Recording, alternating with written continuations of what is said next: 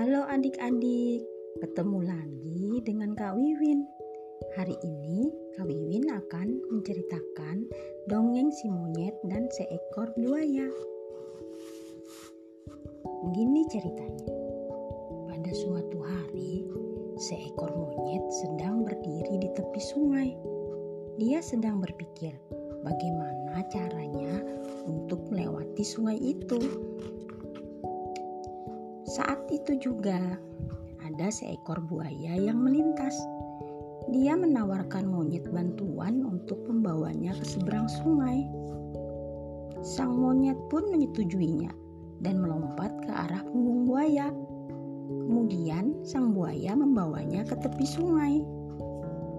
Di tengah perjalanan, sang buaya berkata bahwa ia tidak berniat untuk membantunya dan ingin memakan hatinya. Monyet berpikir sejenak. Kemudian dia mengatakan kepada buaya bahwa ia akan memberi hatinya untuk dimakan. Namun, dia sedang tidak membawa hatinya. Dia menyimpan hatinya di pohon di seberang sungai.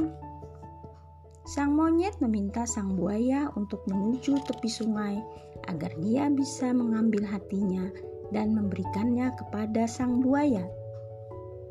Mendengar perkataan sang monyet, sang buaya pun berenang dengan cepat.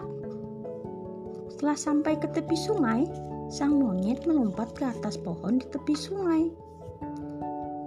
Hei monyet, kau telah kuantarkan. Sekarang berikan hatimu untuk kumakan. Pinta sang buaya. Hai buaya, kau bodoh. Aku tidak menyimpan hatiku di mana pun. Hatiku berada di dalam tubuhku dan aku tidak ingin jadi makananmu. Aku telah menipumu, hahaha. Jawab sang monyet.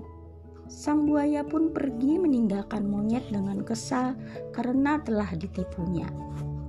Demikian adik-adik cerita untuk hari ini. Sampai berjumpa lagi ya.